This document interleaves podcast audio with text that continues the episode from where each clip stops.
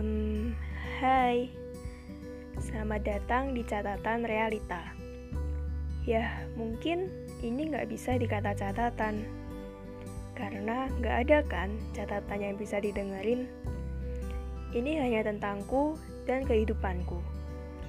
Tak ada yang spesial dan menarik, tapi aku harap kamu bisa tahu tentang apa yang selama ini aku pikirkan, aku perhatikan, dan aku rasakan.